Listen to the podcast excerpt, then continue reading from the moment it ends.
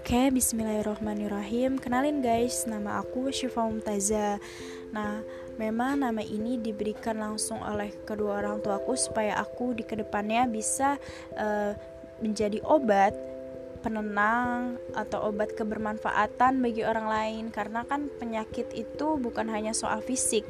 Ada penyakit yang memang tidak bisa dijangkau oleh dokter maupun para ilmuwan. Nah semoga eh, orang-orang uh, yang mendengarkan podcast Shiva bisa berpikiran positif dan memiliki hati yang bersemangat dan juga selalu dalam keadaan sehat dan baik. Nah, Syifa berumur 19 tahun, statusnya sebagai mahasiswa UIN Jakarta, Fakultas Syariah Hukum. Uh, dalam konteks jurusan uh, Perdata, Hukum Perdata yaitu jurusan Hukum Keluarga 2019.